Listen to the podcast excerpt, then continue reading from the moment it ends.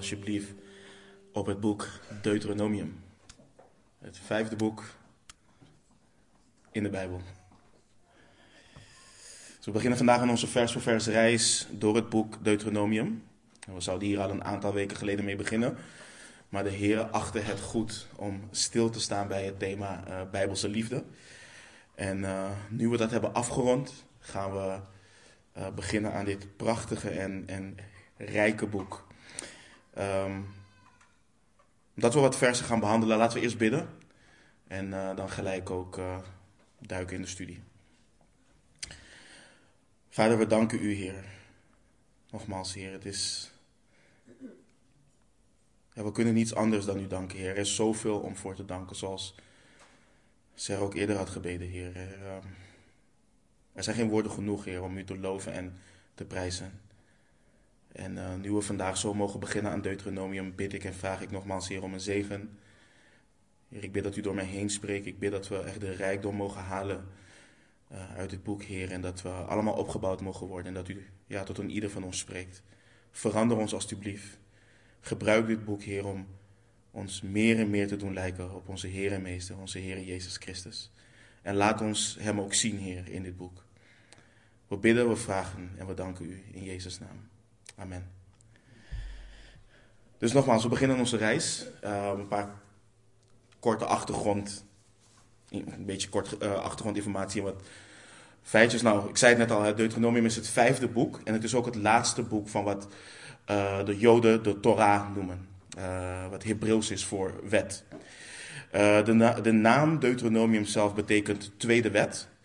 En Deuteronomium, het woord, is samengesteld uit twee Griekse woorden. Het eerste deutero, wat betekent tweede. En nomos, wat betekent wet. Door deze naam wordt er vaak onterecht gedacht dat Mozes het volk uh, Israël een tweede of een nieuwe wet geeft uh, in dit boek. En dat komt uh, ook door wat er geschreven wordt in, in Deuteronomium hoofdstuk 17, vers 18. Maar Mozes geeft in dat vers aan dat de koning uh, op een boekrol een afschrift, een kopie moet maken van de wet. Dus het is geen, het is geen nieuw, een nieuwe wet. Um, in het Hebreeuws wordt het vijfde boek van de Torah Devarim genoemd. Ik hoop dat ik het goed uitspreek. En, en dat komt door de woorden waarmee het boek begint in vers 1. Dit zijn de woorden. Uh, zo wordt Genesis bijvoorbeeld in het, in het Hebreeuws Bereshit genoemd. Uh, naar de woorden in het begin. En dat is eigenlijk hoe de Hebreeën um, uh, de namen voor hun boeken um, gaven. Niet heel moeilijk. Gewoon simpelweg de eerste paar woorden van het boek. En dat is hoe het boek heet.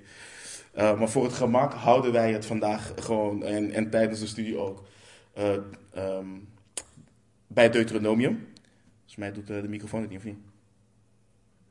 Oh, geen beeld. Oké. Nou,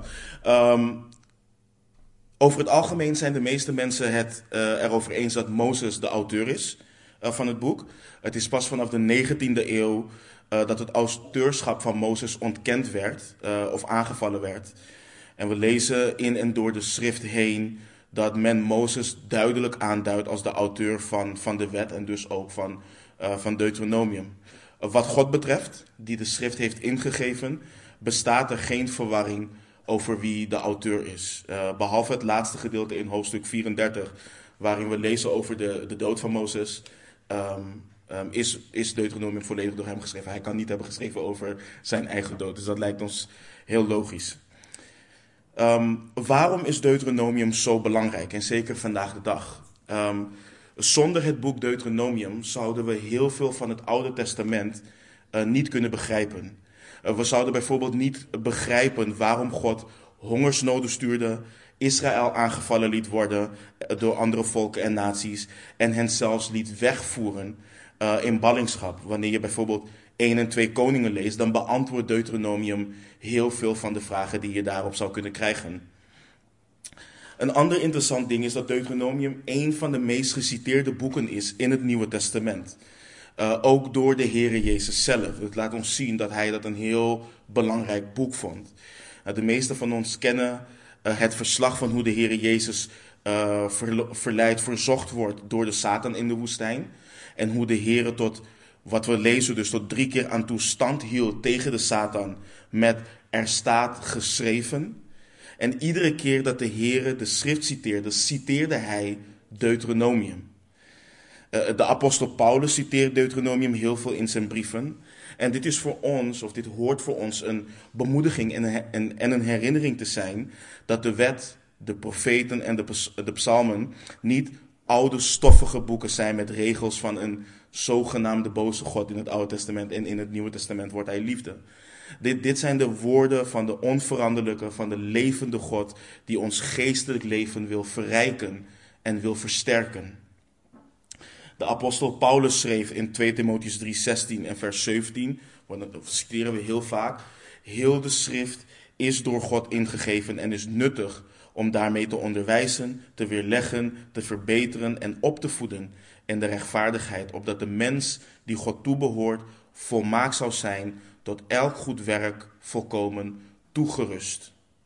Wanneer de apostel Paulus dit schrijft, um, refereert hij naar de wet, de profeten en de psalmen. Dus ook naar Deuteronomium. Dus er zit hier zoveel wijsheid voor ons in. Het geeft ons ook inzage in het hart van God. In wat hij wil met en voor zijn kinderen. En een andere belangrijke reden waarom Deuteronomium belangrijk, waarom, heel, waarom het heel belangrijk is, is om wat de Heer Jezus zegt in Johannes 5, vers 39, wanneer hij tegen de Joodse leiders spreekt. En dan zegt hij, u onderzoekt de schriften, wat inhoudt het Oude Testament. U onderzoekt de schriften, want u denkt daardoor eeuwig leven te hebben. En die zijn het die van mij getuigen. Dus Deuteronomium getuigt van de Heer Jezus Christus. En we gaan um, in en door onze reis zien hoe. Maar om, te, om Deuteronomium goed te begrijpen is het belangrijk om te onthouden dat uh, Mozes een serie aan toespraken geeft. Dus het leest net iets anders weg dan bijvoorbeeld Nummerie of een Exodus of een Leviticus. Dit is Mozes die de wet zelf uitlegt. En het is wat lastiger om uit te leggen wat iemand uitlegt. Dus we gaan vooral ook kijken naar hoe het van toepassing is op ons en wat Mozes daadwerkelijk uh, bedoelde. Maar hoe we uh, Deuteronomium het beste kunnen opdelen is dat in hoofdstukken 1 tot en met 3 uh, Mozes uh, de Israëlieten herinnert aan hun verleden en het falen van hun ouders, het falen van de eerste generatie uh, die, dus die Egypte heeft verlaten. Dus dat, is hoofdstukken, uh, dat zijn hoofdstukken 1 tot en met 3. In hoofdstukken 4 tot en met 11, dan ligt de nadruk heel erg op: heb de Heere onze God lief en dien hem. Gehoorzaam hem. En in hoofdstukken 12 tot en met 26 is de focus op: dit is hoe je hem dient en dit is hoe je hem lief hebt. Dit zijn de geboden die jullie dienen te houden wanneer jullie jullie in het land bevinden. En in hoofdstuk 27 tot met 34, dan ligt de nadruk op de keuze die, ze gaan, eh, die, die voor hun ligt. Of je kiest gehoorzaamheid of ongehoorzaamheid. Je kiest voor leven of je kiest voor dood.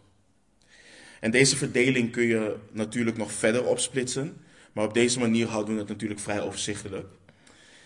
En wat ik net al zei, kijk, het hoofdthema van Deuteronomium is om de Heere God lief te hebben met heel ons hart, met heel ons ziel, met heel ons kracht. En dat doen we door in gehoorzaamheid aan Hem te leven.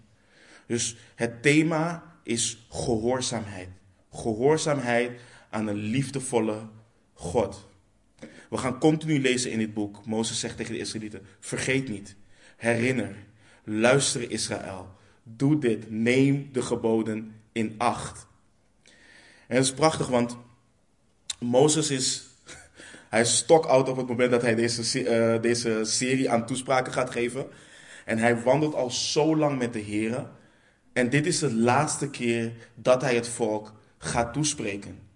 En dan, dan denk je, oké, wat ligt er dan op het hart van iemand die zo lang met de Heer heeft gewandeld? En wat gaat hij dan de generatie die overblijft, of die achterblijft, wat gaat hij hen dan meegeven? En continu blijft hij hameren op. Gehoorzaam de Heer. Luister de Heer. Al die ervaring wat hij heeft met de Heer, dat brengt hij gewoon simpelweg naar gehoorzaamheid. Dat zie je ook bijvoorbeeld in Johannes, wanneer de Heer Jezus, uh, net voordat hij naar het kruis gaat, als je me lief hebt, neem mijn geboden in acht. Gehoorzaamheid. Dat is hoe we laten zien dat we de Heere lief hebben. En dit geldt dus ook voor vandaag de, voor vandaag de dag. Gehoorzaamheid in onze relatie met God is van essentieel belang. God is niet alleen onze verlosser, hij hij is ook Heere en Meester over ons leven. Dus we moeten dit allemaal in acht nemen. Nou, we, we hebben wat versen te behandelen, dus laten we gewoon de tekst induiken en beginnen aan, uh, aan de studie. Vanaf vers 1 lezen we: Dit zijn de woorden die Mozes tot heel Israël gesproken heeft, aan deze zijde van de Jordaan, in de woestijn, op de vlakte tegenover Suf, tussen Paran enerzijds en Tovel, Laban, Hasserot en Disahab anderzijds. Vanaf de Horeb in de richting van het Seirgebergte tot aan Kades Barnea is het elf dagen reizen. Het gebeurde in het veertigste jaar, in de elfde maand, op de eerste dag van de maand, dat Mozes tot de Israëlieten sprak, overeenkomstig alles wat de Heere hem voor hen geboden had. Nadat hij Sihon, de koning van de Amorieten, die in Hesbon woonde, en Och, de koning van Basan, die in Astarot woonde, in Idrei verslagen had. Nou, zoals we dus kort in de introductie hebben doorgenomen, lezen we dus dat dit de woorden zijn van Mozes. Mozes gaat spreken tot het volk Israël, tot heel het volk Israël. En wat ik net ook al zei, dit is een nieuwe generatie. Deze generatie waar Mozes nu tot spreekt, dit waren nog jonkies toen ze de uittocht deden in, uh, uit Egypte. Dus um, Mozes spreekt nu tot die nieuwe generatie. Die oude generatie is gestorven in de woestijn. We gaan daar wat dieper op in later. Maar we lezen dus dat Mozes alles tot de Israëlieten gaat spreken overeenkomstig de, Heer, uh, overeenkomstig de Heer voor hen geboden had. Dus alles wat de Heer geboden had voor Israël is is wat hij heeft gesproken. Hij heeft niets toegevoegd. Hij heeft niets weggelaten. Um, dit is één, en dat is belangrijk voor ons, dit is één van de dingen die door God aangestelde leiders kenmerkt. Spreken ze alles overeenkomstig God geboden heeft. Wanneer God de opdracht geeft om te spreken overeenkomstig zijn woord, dan is dat wat we moeten doen. Zij het leiders, zij het als hij ons ergens toe oproept. We moeten er niets aan toevoegen, hoe mooi en plausibel het ook klinkt. En we moeten er niets van weglaten, hoe confronterend het ook mag zijn. En wat belangrijk is om te weten is dat deze woorden die Mozes spreekt, ze zijn niet gezaghebbend omdat hij ze als leider van Israël spreekt. Deze woorden zijn gezaghebbend omdat ze direct van God komen. En dat is ook altijd hoe we naar de schrift moeten kijken. Dit zijn de woorden van de Heere God tot zijn kinderen. En wat ik net ook al zei, wanneer Mozes deze woorden spreekt, is hij al een oud man. Op het moment dat Mozes sterft aan het einde van het boek, is hij zo'n 120 jaar oud. En de reden dat uh, Mozes hun dus deze toespraak of serie aan toespraken gaat geven, is omdat hij niet met hen meegaat in het beloofde land. De reden dat hij niet meegaat gaan we ook behandelen. Maar Mozes wil hen klaarmaken. Dus als het ware is Israël klaar. Ze staan gemobiliseerd. Ze staan, ze, staan aan de rand van het beloofde land.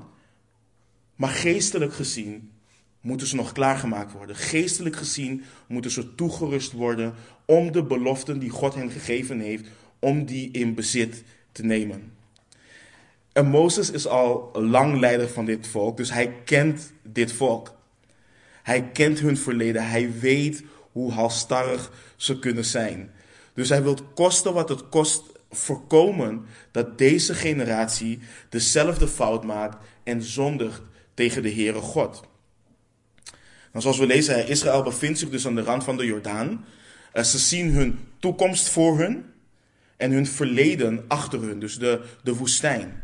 Maar wat Mozes vooral wil doen, is hun wijzen op het beloofde land, op Canaan. Een land overvloedig aan melk en honing. Een land vol zegen voor het volk.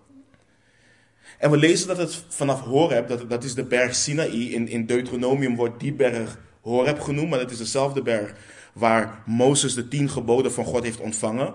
En we lezen dat vanaf daar tot aan het beloofde land slechts elf dagen reizen is. Maar door, door ongeloof van het volk, door ons, ongehoorzaamheid van het volk, veranderde een reis wat elf dagen had moeten duren, tot een reis wat veertig jaar heeft geduurd. Vooropgesteld waren ze ongeveer zo'n jaar en anderhalf jaar aan, aan, aan, uh, aan de berg. En dat was ook een legitieme reden, want ze kregen toen de wet en al dat soort dingen. Maar zo'n 38 jaar hebben ze gewoon gedwaald in de wildernis. Door hun ongehoorzaamheid. Dit kwam door pure en pure ongehoorzaamheid. Ongeloof. En dat is, dat is echt iets wat ons hoort te doen vrezen. En hoort te doen nadenken. Want zo heeft God ook beloften voor ons vandaag de dag. Maar als we ongehoorzaam zijn, zullen we die beloften of later grijpen, later dan nodig, of we zullen ze zelfs nooit grijpen. We kunnen in onze wandel ons geestelijk gezien in een woestijn gaan bevinden en dwalen, terwijl dat niet is wat de Heer voor ons wilt. Dat kan. En voor je denkt, oké okay, dat is simpelweg het overgeestelijke en zomaar toepassen van oud-testamentische gebeurtenissen op ons. Als je in je Bijbel naar 1 Korinthe 10 gaat, dan lees je um, dat in versen 1 tot en met 10 Paulus schrijft hoe Israël continu ongehoorzaam is geweest. En dan schrijft hij het volgende in versen 11 en 12. Dus 1 Korinthe 10, versen 11 en 12. En dan schrijft hij, al deze dingen nu zijn hun overkomen als voorbeelden voor ons. En ze zijn beschreven tot waarschuwing voor ons over wie het einde van de eeuwen gekomen is. Daarom, wie denkt te staan, laat hij oppassen dat hij niet valt. Dus we kunnen en we moeten echt leren van Israël. Ongeloof, ongehoorzaamheid, dat leidt altijd tot afdwalen.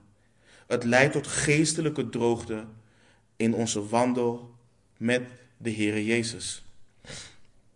Dus Israël, de generatie, en moet je voorstellen, zij zijn geleid uit Egypte. Ze, ze huilden tot God en God heeft naar ze omgekeken. En God heeft ze met een hoop plagen al zijn kracht en macht laten zien. En uiteindelijk hen geleid uit, het, uit, uit Egypte. En zij zouden dan het volk zijn wat het beloofde land zou gaan innemen. En uiteindelijk gebeurt het niet. Het gebeurt niet. En nu gaat een nieuwe generatie uh, gaat het doen. Dus aan het einde van het 40ste jaar nam Mozes gebruik van het moment om tot het volk te spreken. Tot een compleet nieuw volk. Er is veel in 40 jaar gebeurd. En, en de woorden die Mozes spreekt, spreekt hij nadat Israël, Sihon, de koning van de Amorieten, die in Hesbon, dat is Moab, uh, woonde, en Och, de koning van Basan, die in Astaroth woonde, in Idri verslagen had. Uh, Sion en Och zijn beide koningen van de Amorieten. Het verslag hierover gaan we ook lezen vanaf hoofdstuk 2, vers 24. Dus daar komen we uh, een andere keer op terug. Maar we lezen vanaf vers 5. Aan deze zijde van de, van de Jordaan, in het land Moab, begon Mozes deze wet als volgt uit te leggen. De Heere onze God heeft tot ons gesproken bij de Horeb. U bent lang genoeg bij deze berg gebleven. Keer om Breek op en ga naar het bergland van de Amorieten en naar al hun buren in de vlakte, het bergland en het laagland, in het zuiderland en aan de uh, zeekust, het land van de Canaanieten en de Libanon tot aan de grote rivier, de rivier de Eufraat. Zie, ik heb het land aan u gegeven, ga het binnen en neem het land in bezit waarvan de Heere uw vaderen Abraham, Isaac en Jacob gezworen heeft dat hij het hun en hun nageslacht na hen geven zal. Dus nogmaals, zie hoe prachtig. Voordat ze het beloofde land in zouden gaan, in zouden gaan begon Mozes de wet uit te leggen. Mozes begon de wet te verklaren. Hij legde de betekenis van de wet uit. En de manier waarop Mozes het volk voorbereidde om te leven volgens de wil van God, was niet met zijn eigen ideeën, het was niet met de ideeën van de wereld. Hij had geen aanvalsplan om de vijand te overwinnen. Mozes bracht simpelweg het woord van God. Hij begon de wet uit te leggen. Gods woord, en dat is zo, zo belangrijk voor ons. Gods woord is het enige, het enige waarmee we ons kunnen voorbereiden en waardoor we kunnen leven zoals God dat voor ons wilt. En je ziet dit terug door de hele geschiedenis. Je ziet dit bijvoorbeeld ook terug wanneer in 2 Koningen 22 het wetboek weer gevonden wordt na jaren. En koning Josia hervormingen doorvoert.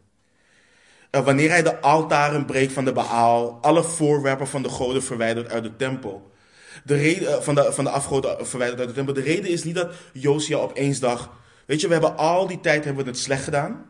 Laten we het nu opeens gaan proberen zonder afgoden. Nee, Gods woord werd tot hem gebracht en het heeft tot zijn hart gesproken. Het heeft hem overtuigd. En Spreuken 3, vers 5 leert ons ook, vers 5 en 6 leren ons: vertrouw op de Heer met heel je hart en steun op je eigen inzicht niet. Ken Hem in al je wegen, dan zal Hij je paden recht maken. En het hoort ons te bemoedigen wanneer je broeder of je zuster naar je toe komt met een crisis. Wanneer je broeder of een zuster naar je toe komt en, en, en misschien een, een roeping ervaart van de Heere God. Wijsheid nodig heeft. Het enige wat je hoort te doen, zoek God in zijn woord en in gebed. Rust je broeder of zuster toe door Gods woord te verklaren. Alleen Gods woord, dat lezen we ook in de psalmen. Alleen Gods woord bekeert de ziel. Alleen het woord van God geeft de eenvoudige wijsheid. Het is alleen het woord van God wat het hart verblijdt. En het is alleen het woord van God wat de ogen van de mens verlicht. Wanneer we Gods woord gaan mengen met wijsheid van de wereld, dan is het altijd een recept voor onheil. Altijd. De apostel Paulus schreef aan de Colossense in Colossense 2 vanaf vers 8. Dan zegt hij: Pas op dat niemand u als buit meesleept door de filosofie en inhoudloze, uh, inhoudsloze verleiding volgens de overlevering van de mensen, volgens de grondbeginselen van de wereld, maar niet volgens Christus. Want in hem woont heel de volheid van de Godheid lichamelijk. Dus alles wat niet volgens Christus is, alles wat niet wijst op de ware God, op hoe en wie Hij is, en alles wat ons niet aanspoort om te leven volgens Zijn volmaakte wil, zoals geopenbaard door Hem, is volgens de overleveringen van mensen, volgens de grondbeginselen van de wereld. En het kan heel dogmatisch klinken. Maar dit is wel wat God zegt. En als we beleiden in God te geloven, als wij beleiden zijn kinderen te zijn, dan moeten we ons hieraan vasthouden. Dan kunnen we niet zeggen we nemen een beetje van de wereld en we nemen een beetje van Gods woord. Want Paulus schrijft nogmaals: pas op dat niemand u als buit meesleept. Je wordt weggetrokken van Christus als dat soort dingen gebeuren. Dus net zoals Paulus schrijft en we Mozes zien doen, moeten we hier echt van leren. En we leven in een tijd dat we zo pragmatisch zijn geworden. We hebben allerlei eigen ideeën over de identiteit van de kerk, de activiteiten van de kerk en, en, en noem maar op. Maar die eigen ideeën brengen ons verder van God en ze behagen Hem niet. Maar de heerlijke woorden van Hem, de machtige woorden van de Heer Jezus Christus, die geven leven. Die maken vrij. Die geven wijsheid. Daarin wandelen is wandelen in gehoorzaamheid aan God en wandelen naar Zijn wil. Dus Mozes begint en zegt dat de Heere God heeft gezegd dat ze lang genoeg aan de berg Horeb, dus de berg Sinaï waar ze de wet hebben ontvangen, zijn gebleven. En we lezen hier voor het eerst over in nummer 10. Uh, alleen lezen we in dat verslag niet de details die we hier krijgen. We lezen in nummer 10, in nummer 10 simpelweg dat ze opbraken voor het eerst. Maar hier krijgen we de informatie dat de Heere God vond dat ze lang genoeg bij de berg waren gebleven en waar ze vervolgens naartoe moesten. En weet je, God had hen niet uit Egypte verlost om te blijven aan de berg. Om op afstand van de beloften te wonen. God had een land voor hen uitgekozen. Hij had uitgekozen waar hij wilde dat ze zouden gaan wonen. En dat is ook hetzelfde voor ons. Weet je, God redt ons niet en vergeeft ons niet en geeft ons niet de Heilige Geest om te blijven zoals we waren op het moment dat we tot reddend geloof kwamen. God heeft beloften voor ons. Hij wil dat we die beloften vastgrijpen. Hij wil dat we daarin groeien. Hij wil dat we groeien in onze persoonlijke wandel met Hem. En Weet je, één ding van ons, of één ding wat ons hoort te drijven, is dat we nooit zouden moeten willen stoppen met groeien. Groeien in de Heer. Nooit tot een moment komen en denken: hier is het goed. Ik heb uh, genoeg geleerd, dit is prima en ik zit het uit totdat ik hem van aangezicht tot aangezicht ga zien. Dat is niet hoe de Heer wil dat we leven. Hij wil dat we veranderd worden en dat we groeien en gaan lijken op de Heer Jezus Christus. En daarom ook wanneer we bijvoorbeeld het Nieuwe Testament lezen, maar überhaupt gewoon de hele Bijbel, dan moeten we die belofte ons ook eigen maken. We moeten die woorden nemen, we moeten erop mediteren en ze toepassen. Opdat we mogen groeien en die belofte ons ook eigen mogen maken. En wat Mozes doet dus is, Mozes richt hen, dus de nieuwe generatie, op het beloofde land en benadrukt in vers 8 dat het land wat de Heere God hen heeft gegeven, het land is dat hij Abraham in Genesis 12 en in Genesis 15 had beloofd, aan Isaac in Genesis 26 en aan Jacob in Genesis 28 en 35. En, en let ook goed op de uitspraak wat er staat. Ik heb het land aan u gegeven. En let ook op het feit dat de Heere God dit gezworen had. En waarom dit belangrijk is, is om het feit dat Israël weet. Israël weet dat de Heere God bij machten is. En ze weten dat wat hij zweert, dat wat hij belooft, dat hij dat ook doet. Maar toch, toch zullen ze, zoals we gaan lezen, twijfelen aan de Heere God. Ze zullen toch gaan handelen uit ongeloof en ongehoorzaamheid. En daarom is het voor ons die leren van Israëls verleden zo belangrijk om te staan op wat Paulus schrijft in 1 Korinthe of in 2 Korinthe 1 vers 20. Hij schrijft immers, zoveel beloften van God als er zijn, die zijn in hem ja en in hem amen, tot verheerlijking van God door ons. Zijn beloften zijn ja en in hem amen. Zijn, belof, zijn beloften zijn zo is het. Zo zal het geschieden. En we mogen erop vertrouwen. We, we, kunnen hem geloven wanneer hij uh, beloften maakt. En dan lezen we vanaf vers 9, best een groot gedeelte. Dan gaat Mozes verder en dan vertelt hij: Ik heb in die tijd tegen u gezegd: Ik alleen kan u niet dragen. De Heere uw God heeft u talrijk gemaakt en zie, u bent heden zo talrijk als de sterren aan de hemel. Mogen de Heere God, de God van uw vaderen, aan uw aantal toevoegen duizendmaal wat u nu bent, en mogen Hij u zegenen zoals Hij tot u gesproken heeft. Maar hoe kan ik alleen uw moeite, uw last en uw rechtszaken dragen? Geef voor uzelf, ingedeeld naar uw stammen, wijze, verstandige, ervaren mannen, dan zal ik hen tot hoofd over u aanstellen. En toen antwoordde u mij en zei: De zaak die u hebt gezegd te doen is goed. Dus ik nam uw stamhoofden, stamhoofden wijzen en ervaren mannen, en stelde hen tot, tot hoofd over u aan. Leiders over duizend, leiders over honderd, leiders over vijftig en leiders over tien. En beambten voor uw stammen. Ook beval ik in die tijd uw rechters, luister naar de geschillen tussen uw broeders en oordeel rechtvaardig tussen een man, zijn broeder en de vreemdeling die bij hem is. U mag niet partijdig zijn in de rechtszaak. Zowel de kleine als de grote moet u aanhoren. U mag voor niemand bevreesd zijn, want de, rechtszaak, de rechtspraak behoort aan God.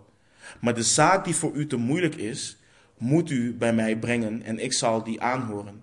Zo beval ik u in die tijd al de zaken die u moet doen.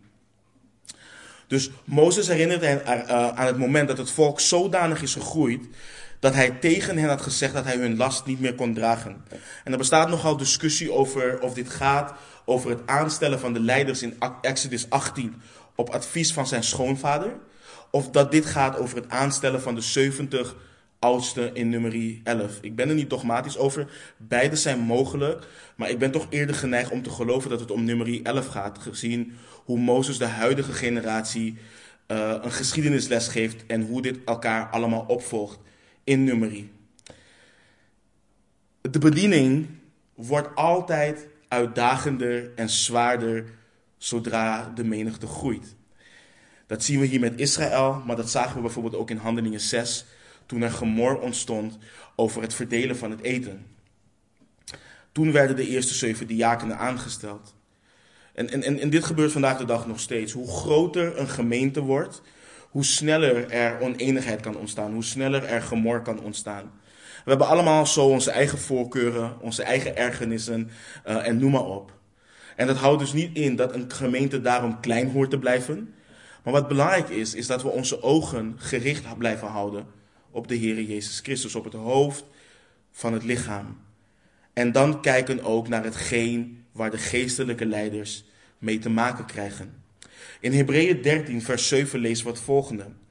Gehoorzaam uw voorgangers en wees hun onderdanig. Want zij waken over uw zielen, omdat zij rekenschap moeten afleggen, opdat zij dat mogen doen met vreugde en niet al zuchten. Dat heeft immers voor u geen nut. Nou, dit vers is vaak verkeerd toegepast en wordt vaak uit context geciteerd met, eh, eh, om, om het te gebruiken als excuus om te heersen over een lokale gemeente. Om de mensen te manipuleren en misbruik te maken van hun vertrouwen. Dat is niet wat dit vers leert. Dit vers leert wel, onderschiet je geestelijk gezien aan de leiders van de gemeente. Zij waken over de zielen. Zij bidden bijvoorbeeld voor welke studies moeten er gebeuren, welke keuzes moeten er gemaakt worden in de gemeenten. Wanneer iemand komt met suggesties, wanneer iemand komt met vragen, dan ga je daarvoor in gebed. En dan moeten ze op een, dan moeten ze op een geestgeleide manier daar een keuze in maken. Dus ze dragen zorg over de zielen.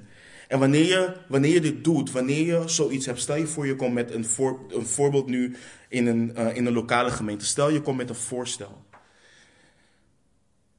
En de leiders gaan daarover in gebed. En de leiders die kiezen, um, die kiezen ervoor om niet met dat voorstel, um, om daarmee door te gaan. Dan is het belangrijk om in gedachten te houden en om te weten, dit zijn biddende leiders. Dit zijn leiders die God zoeken in hun woord. En de keuze die ze hebben moeten maken, die hebben ze moeten maken met de Heer, hoe zwaar of hoe moeilijk die keuze ook is geweest. En dan is het, oké, okay, onderschik je geestelijk aan de leiders, want ze waken over jullie zielen. De keuzes die ze maken, die doen ze ten goede, ter opbouw, ter, uh, ter bevordering van de gemeente. Dan zullen ze dus, en wanneer je daar ook aan onderschikt, dan zullen ze dat met vreugde doen. Maar wanneer je over iedere keuze of over iedere situatie klaagt, dan zie je bijvoorbeeld ook wat er bij Mozes gebeurde. Dan kan er gemor gaan ontstaan, dan kunnen ze dat zuchtend gaan doen, gefrustreerd gaan doen. Dan gaan ze gefrustreerd dienen. En je ziet bijvoorbeeld hier, in nummerie zie je bijvoorbeeld ook hoe gefrustreerd Mozes was. Het volk klaagde over het feit dat er geen vlees was en ze wilden terug naar Israël en geef ons vlees en noem maar op. En op een gegeven moment wordt Mozes, hij kan het niet meer aan. En, en, en hij schreeuwt het ook uit naar God van, ik heb dit volk toch niet gebaard? Waarom moet ik dit nu allemaal dragen? En dat is dus hoe frustratie een leider kan overnemen en dan op een gegeven moment ook verkeerde beslissingen gaan nemen. Dus Mozes geeft hun de opdracht om leiders te selecteren, om um, de, de, de, de lasten te verdelen, om dat samen te dragen. En zijn voorstel was goed in hun ogen. Dus wat doet Mozes? Hij neemt de leiders die geselecteerd zijn en stelde hen aan tot hoofd. Leiders over duizend, leiders over honderd, leiders over vijftig en leiders over tien. En beambten voor de stammen. En dit moesten godvrezende mannen zijn. Dit waren niet zomaar mannen die Um, um, die zich konden aanmelden voor, voor de taak en denken van hé, hey, ik heb toch niks te doen, dus ik ga dit doen. Um, alleen als je Godvrezend bent, kun je wijs en verstandig zijn en handelen. De spreuken leert ons ook, uh, spreuken 9 vers 10, het beginsel van wijsheid is de vrezen des Heren en de kennis van de heiligen is inzicht. Een leider, een, een, een geestelijk leider, in een gemeente dient God te vrezen. Als hij God niet vreest, dan kan en mag hij niet dienen. En, en Mozes gaf deze rechters specifieke instructies. Eén, dat lezen we, ze moesten altijd rechtvaard, een rechtvaardig oordeel uh, vellen. Of het nou ging om de vreemdeling of een Joodse broeder. Het oordeel moest altijd rechtvaardig zijn. Ze moesten oordelen zonder vrees voor mensen, zonder aanzien des persoon. Ze mochten niet bang zijn voor de reactie van de partijen waarover ze moesten oordelen, want ze moesten altijd herinneren dat ze namens God spraken, dat God degene is aan wie de rechtspraak behoort. En dat is heel belangrijk. Dat is ook iets wat je van de leiders in de lokale gemeente mag verwachten. En moet verwachten. Is dat er geen aanzien des persoon is. Of iemand nou bijvoorbeeld vijf jaar, twintig jaar of twee weken naar een lokale gemeente komt. Een geestelijk leider die altijd rechtvaardig te oordelen. Nooit in het belang van degene die hij langer of beter kent. Altijd rechtvaardig. Want God is degene die de rechtspraak geeft. En een belangrijke, en dat is iets wat, we, eh, wat je ook steeds meer ziet in onze tijd. Ze moesten ook, of wat mist in onze tijd, ze moesten hun eigen beperkingen kennen. Ze moesten nederig zijn en kunnen toegeven wanneer een zaak te moeilijk was voor hen. En in hun geval de zaak brengen naar of een andere leider of uiteindelijk naar Mozes. En dit is iets wat heel, heel veel mist tegenwoordig. Je hoort steeds meer in lokale gemeenten hoe leiders burn-outs krijgen. Omdat ze alles zelf en alleen willen dragen. Omdat ze niet toegeven, dit is te zwaar. Ik kan dit niet alleen. En je kan dit ook niet. Geen enkele leider kan dit alleen. Het is een, het is een zware geestelijke bediening. En ik probeer echt geen sympathie voor ons op te wekken of wat dan ook. Maar je dient de Heer. En het is zwaar, er komt geestelijke strijd bij kijken en noem maar op. En je dient dus altijd een team, een groeiend team van ouderlingen te hebben waarmee je de last kunt dragen. Jullie weten dat we hier als gemeente meerdere ouderlingen hebben. Ik kan niet alles alleen, de andere mannen kunnen niet alles alleen. We zoeken de heren samen in specifieke situaties. En soms reiken we ook uit naar andere broeders uh, in andere gemeenten als we het zelf ook niet meer weten. En dat is, het is gewoon een zegen van de heren dat dit mogelijk is, dat dit kan. Maar let wel goed op dat er altijd bepaalde kwalificaties komen kijken bij het aanstellen van leiders. Dit komt vanuit het Oude Testament al. Dit is geen Nieuw Testamentisch idee. Wanneer Paulus aan Titus en Timotheus schrijft, over het aanstellen van ouderlingen, zuigt hij die kwalificaties van een ouderling niet uit zijn duim. En wanneer de diakenen werden aangesteld in Handelingen 6, is dat niet iets waar lichtelijk is mee omgegaan. En dat moeten wij ook niet doen vandaag de dag. Want iemand die God dient in zo'n bediening, moet altijd verantwoording afdragen aan God en beseffen dat het de Heer is die wijsheid geeft. Dus dit gaat niet om creativiteit, dit gaat niet om kennis of dit gaat ook niet om charme, de charme van een, een, een, een, een leider. Dit gaat om de wil van God en hoe God soeverein heerst over zijn gemeente. En of de mensen die hij daarvoor gebruikt daadwerkelijk een gezonde vrees hebben voor hem. Het is zo, zo essentieel. Nou, vanaf vers 19 lezen we hoe het, verhaal, hoe, uh, hoe het verslag verder gaat. Toen braken wij op van de Horeb en gingen door heel die grote en vreselijke woestijn die u gezien hebt. In de richting van het bergland van de Amorieten, zoals de Heere onze God ons geboden had. En wij kwamen tot aan Kades Barnea. En toen zei ik tegen u, u bent gekomen tot aan het bergland van de Amorieten, dat de Heere onze God ons, ons geven zal. Zie, de Heere, uw God, heeft het land aan u gegeven. Trek op, neem het in bezit, zoals de Heere, de God van uw vaderen, tot u gesproken heeft. Wees niet bevreesd en wees niet ontsteld.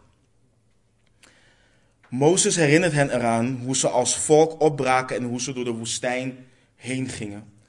En hij wil de nieuwe generatie op hun hart drukken hoe verschrikkelijk die woestijn was. Hij wilde hen als het ware doen verlangen naar het land en hen de vrees geven om niet terug te keren of te blijven in die verschrikkelijke woestijn. En ze kwamen dus tot Ankades Barnea, dat is de zuidelijke toegang of ingang van het beloofde land. En Mozes bemoedigt het volk. En een ander ding wat trouwens ook belangrijk is, is voor ons om, te beseffen, soms wanneer wij verleid worden, we lezen in Jacobus hoe God niemand verzoekt en dat er verleiding komt uh, doordat we uh, toegeven aan de begeerte die we aan ons hebben. Wanneer we daaraan toegeven, dan kan het gewoon zijn dat we, vervallen in zonde. En de Heer, die laat, die, die, die laat dat toe. En op een gegeven moment kom je tot bekering. En dat is om je te herinneren aan hoe droog, aan hoe verschrikkelijk het was toen het doodstil was. Toen je tot de Heer probeerde te bidden, maar toch in zonde leefde. Mozes probeert hen continu te laten zien hoe verschrikkelijk die periode van ongehoorzaamheid was. En dat is iets wat wij ook continu moeten herinneren. Wij moeten niet, niet de hele tijd blijven denken aan ons verleden. Maar wanneer zonde op de loer ligt, wanneer verleiding op de loer ligt, we moeten daar niet mee spelen. Denk terug aan die ongehoorzaamheid. Denk aan wat dat heeft gebracht. En bekeer je en denk überhaupt aan wat de Heer daarvan vindt.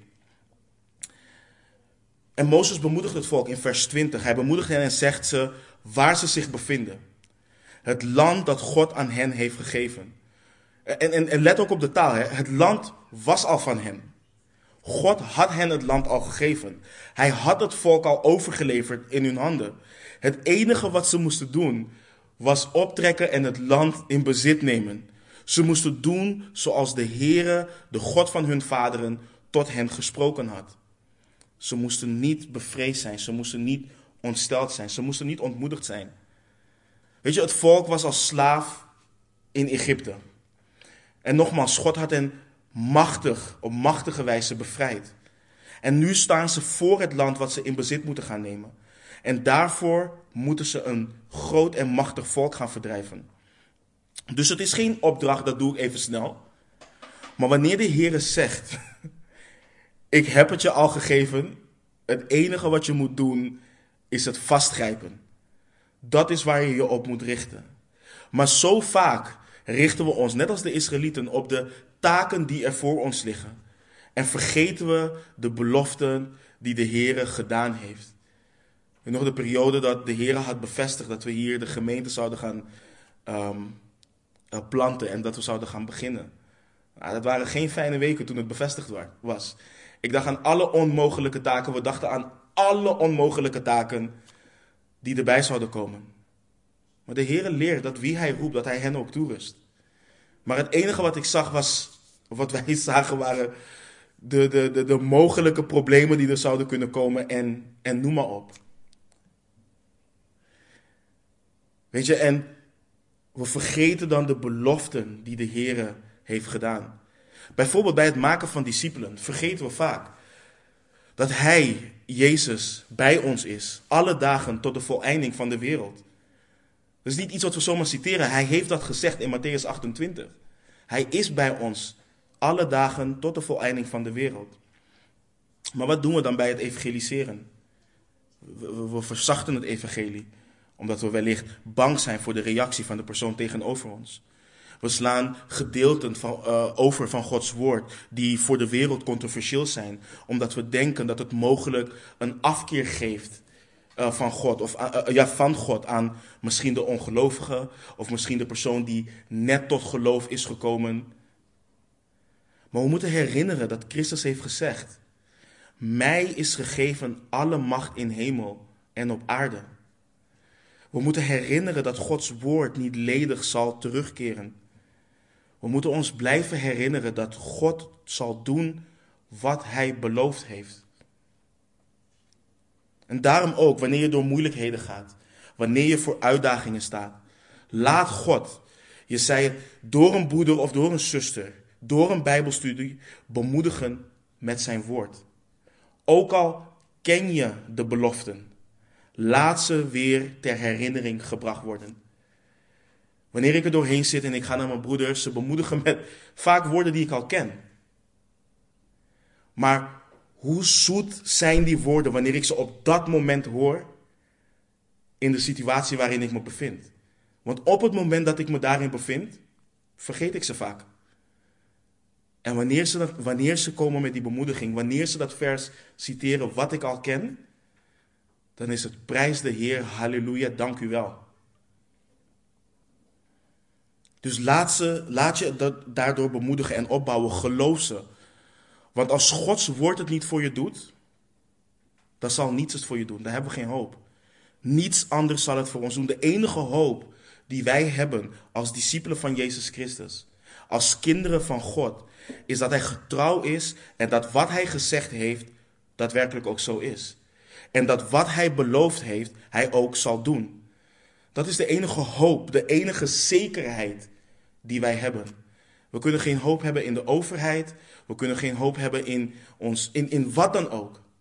De hoop en de zekerheid die we hebben is in de levende God. Dus Mozes bemoedigt ze en dan lezen we vanaf vers 22.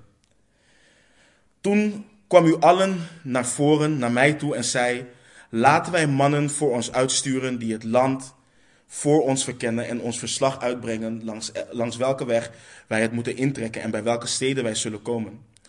Deze zaak nu was goed in mijn ogen. Dus nam ik twaalf, dus nam ik twaalf mannen uit uw midden, één man per stam. En zij keerden zich om en trokken het bergland in. Zij kwamen tot aan het dal Eskol en verkenden dat. Zij namen van de vrucht van het land mee, daalden weer naar ons af en, bracht, en brachten ons verslag uit en zeiden: Het land dat de Heere onze God ons geven zal, is goed. En let op vers 26. Maar u wilde niet verder trekken. U was het bevel van de Heere, uw God, ongehoorzaam. In nummer, in nummer 3 lezen we hoe de Heere Mozes opdracht gaf om twaalf mannen te selecteren die het land zouden verkennen. Hier in Deuteronomium lezen we dat dit plan dus van de, uh, of het verzoek van de Israëlieten afkomstig was. Maar dat God uiteindelijk bepaalde hoe dit zou gebeuren. Maar Mozes stemde daarmee in. En in nummer 13 en 14, ik raad jullie aan ook om dat te lezen, lezen we het uitgebreide verslag. De verkenners gingen het land in. Ze namen vruchten mee. We, lezen in nummer 13 dat ze een rank afsneden in het dal Eskol. En uh, met één tros druiven, uh, die ze met z'n tweeën moesten dragen.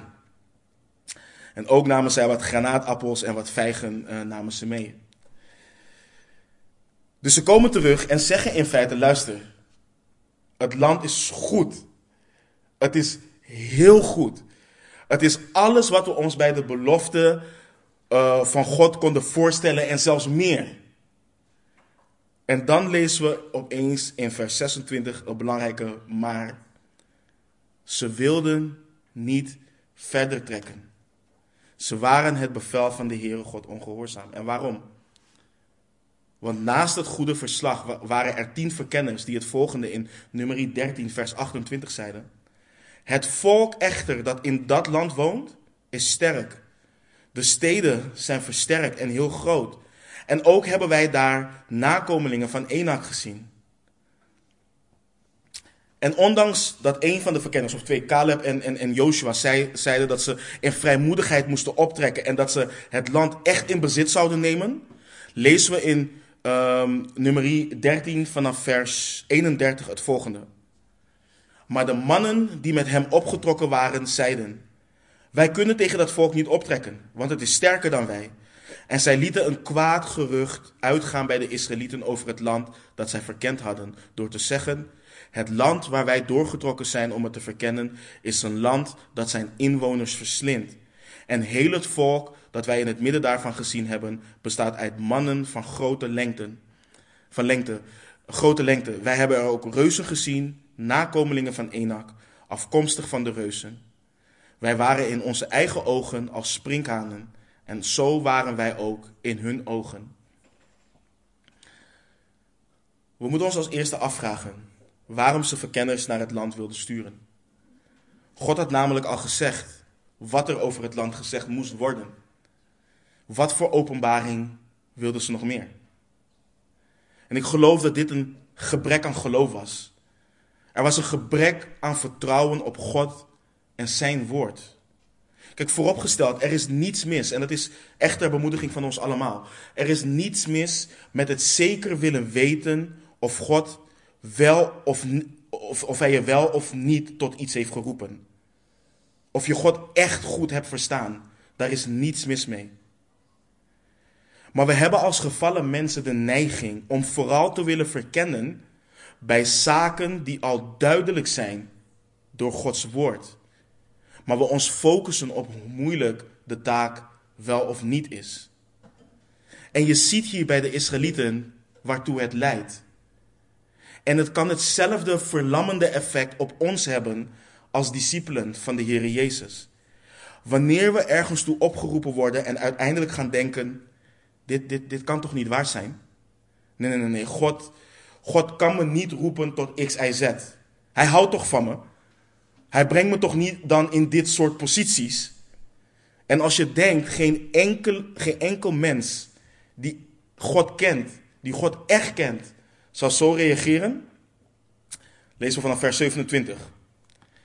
U morde in uw tenten en zei, omdat de Heere ons haat, heeft hij ons uit het land Egypte geleid om ons in de hand van de Amorieten te geven om ons weg te vagen.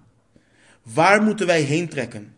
Onze broeders hebben ons hart laten smelten door te zeggen: Het is een volk groter en langer dan wij. De steden zijn groot en hemelhoog versterkt. Wij hebben er zelfs Enakieten gezien. Dit is zo tragisch. Aan de andere kant is het ook ironisch dat Mozes tegen hen zegt dat ze moorden in hun tenten. Alsof hij duidelijk maakt, je dacht zachtjes te kunnen praten in je tent en God hoort je niet. Maar je klaagt en God hoort alles. En Mozes is continu deze generatie aan het laten zien waarin de vorige generatie heeft gezondigd tegen de Heere God.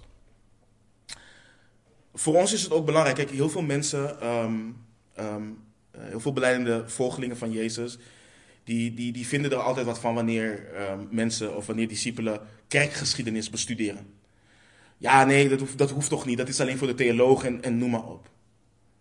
Nee, we doen er goed aan om kerkgeschiedenis te bestuderen.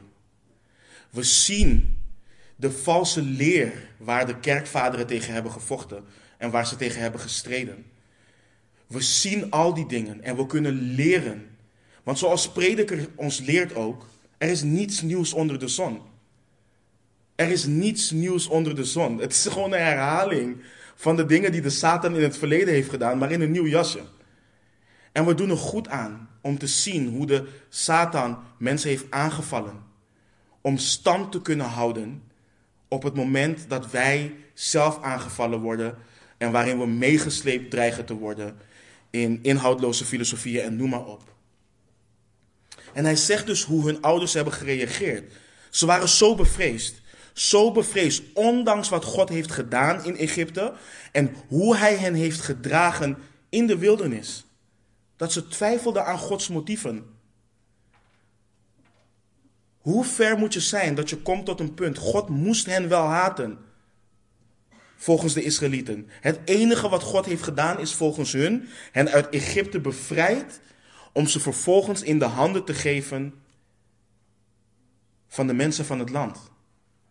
En broeders en zusters, laten wij hiervan leren. Laten we Gods liefde voor ons en zijn macht niet vergeten door de uitdagingen die er voor ons liggen.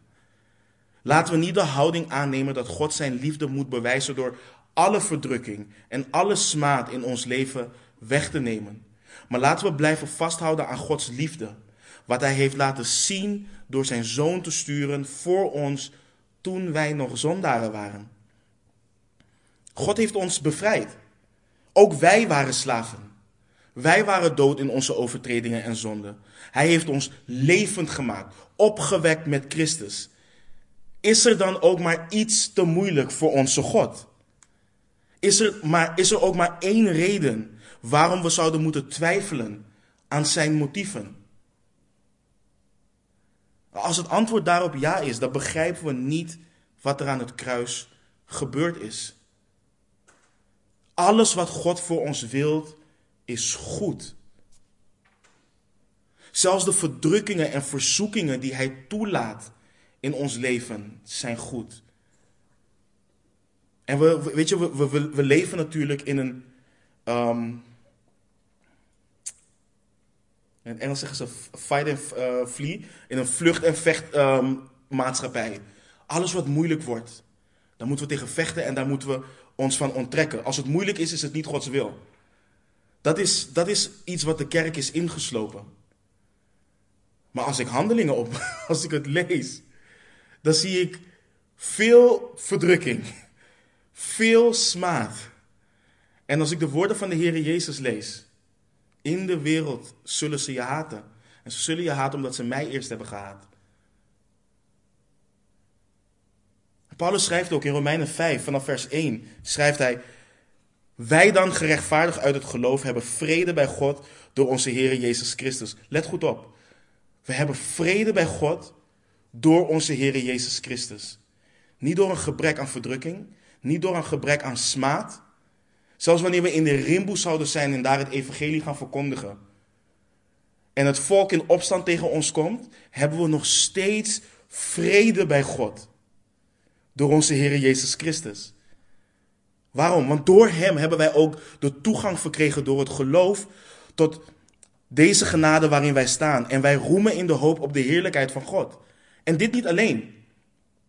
Maar wij roemen ook in de verdrukkingen. Omdat wij weten dat de verdrukking volharding teweeg brengt. En de volharding ondervinding. En de ondervinding hoop. En mensen, de hoop beschaamt niet.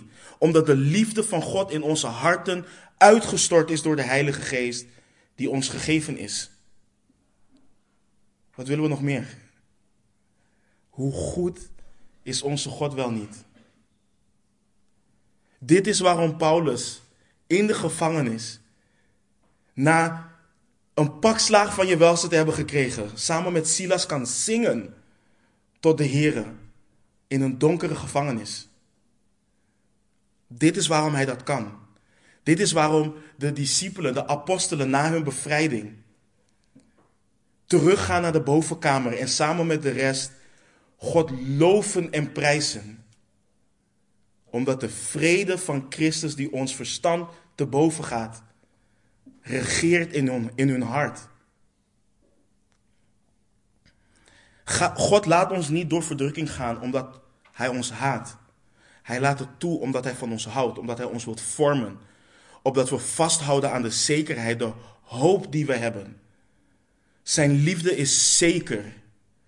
Hij heeft dat uitgestort in onze harten door de Heilige Geest die ons gegeven is. Laten we daar nooit aan twijfelen.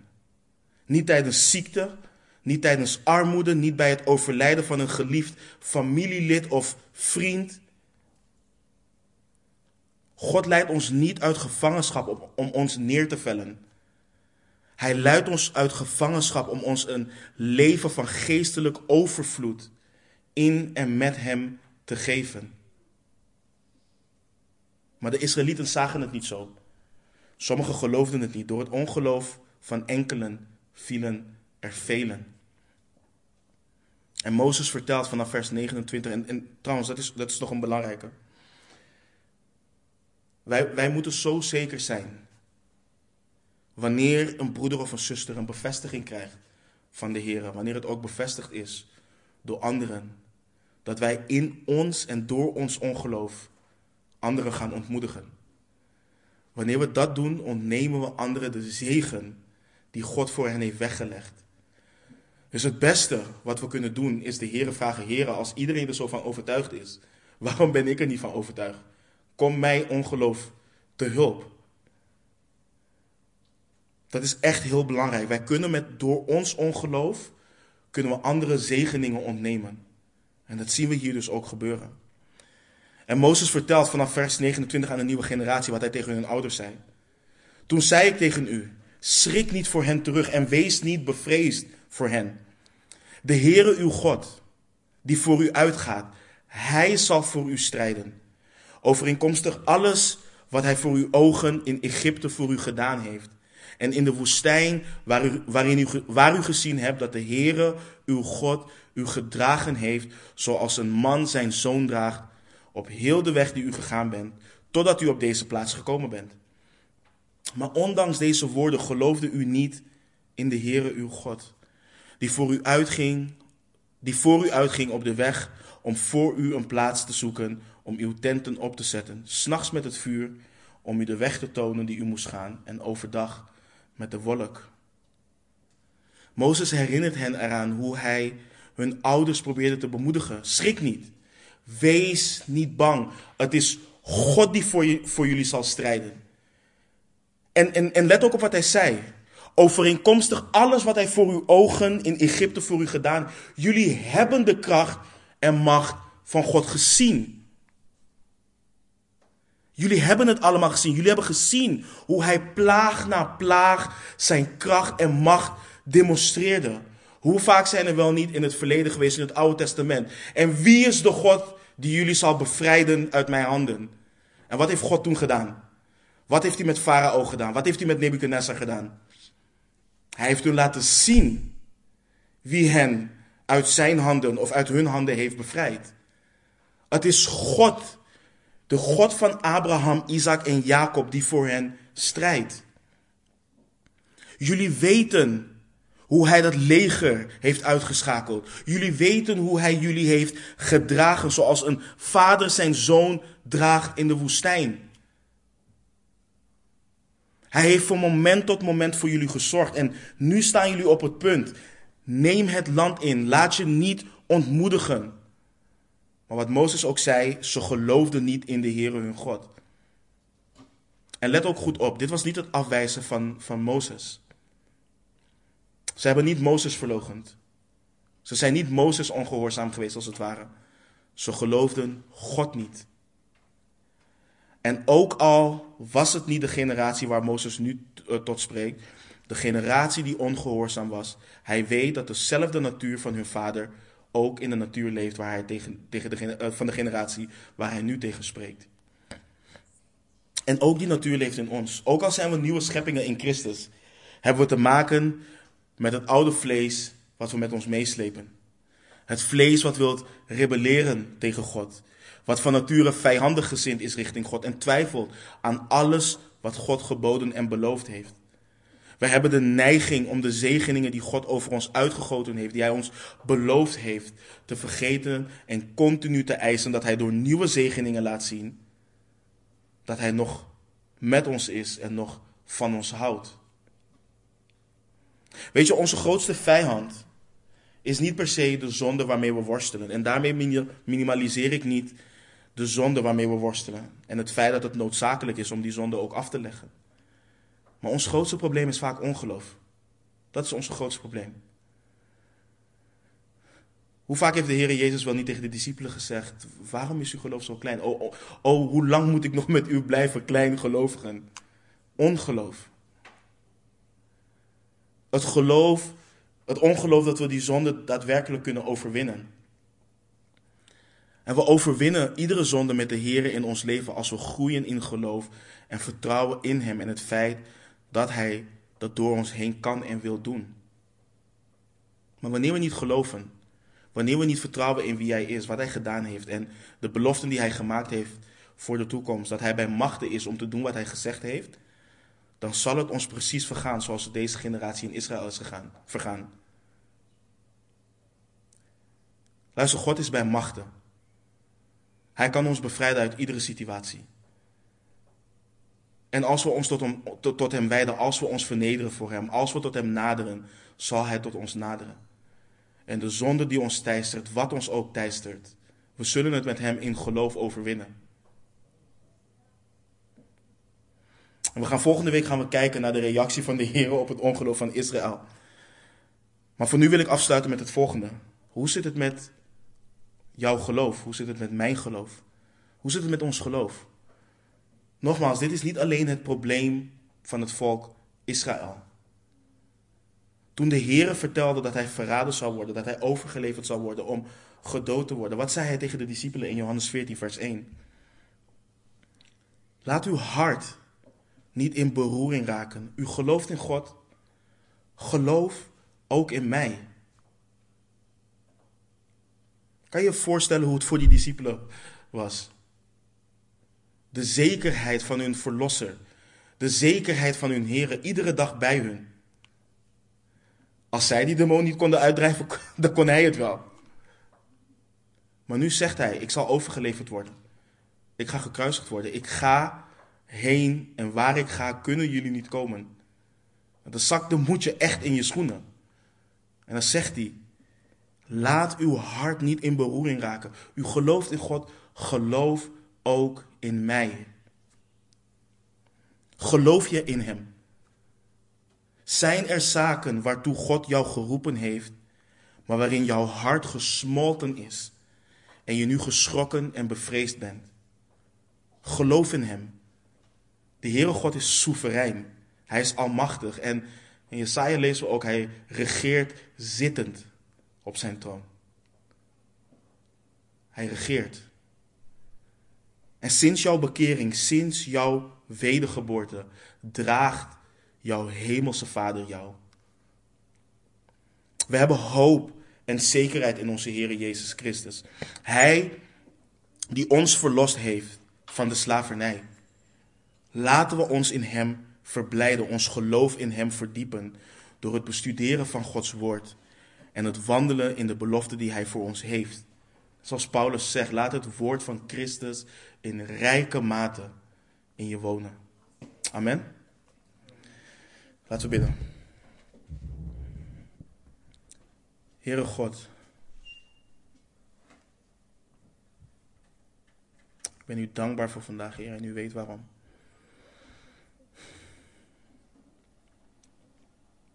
En Heer, ik bid voor iedere broeder of zuster die nu worstelt met ongeloof. Heer, help ons in ons ongeloof. Help ons, Heer, de keuzes die er voor ons staan, Heer. De keuzes die we moeten maken en we niet weten wat we moeten doen. De keuzes die er voor ons liggen en waardoor we bevreesd zijn, waardoor onze harten gesmolten zijn. Help ons om in gehoorzaamheid aan U te wandelen. En blijf ons uw belofte ter herinnering brengen, Heer. Blijf ons ter herinnering brengen wat u hebt gedaan in ons verleden, Heer. Heer, wat u doet in de levens van onze broeders en onze zusters. O Heer, geef ons geloof. En laat uw woord in rijke mate in ons wonen, Heer. Besnijd ons hart en richt onze ogen op de Heer Jezus Christus. Ik bid dat uw geest deze woorden neemt leren van Israël en dat het ook toepast in onze harten. Voor de komende week die er voor, voor de week die er voor ons ligt, Heer. Ga voor ons uit, Vader. Strijd voor ons. In Jezus' naam. Amen.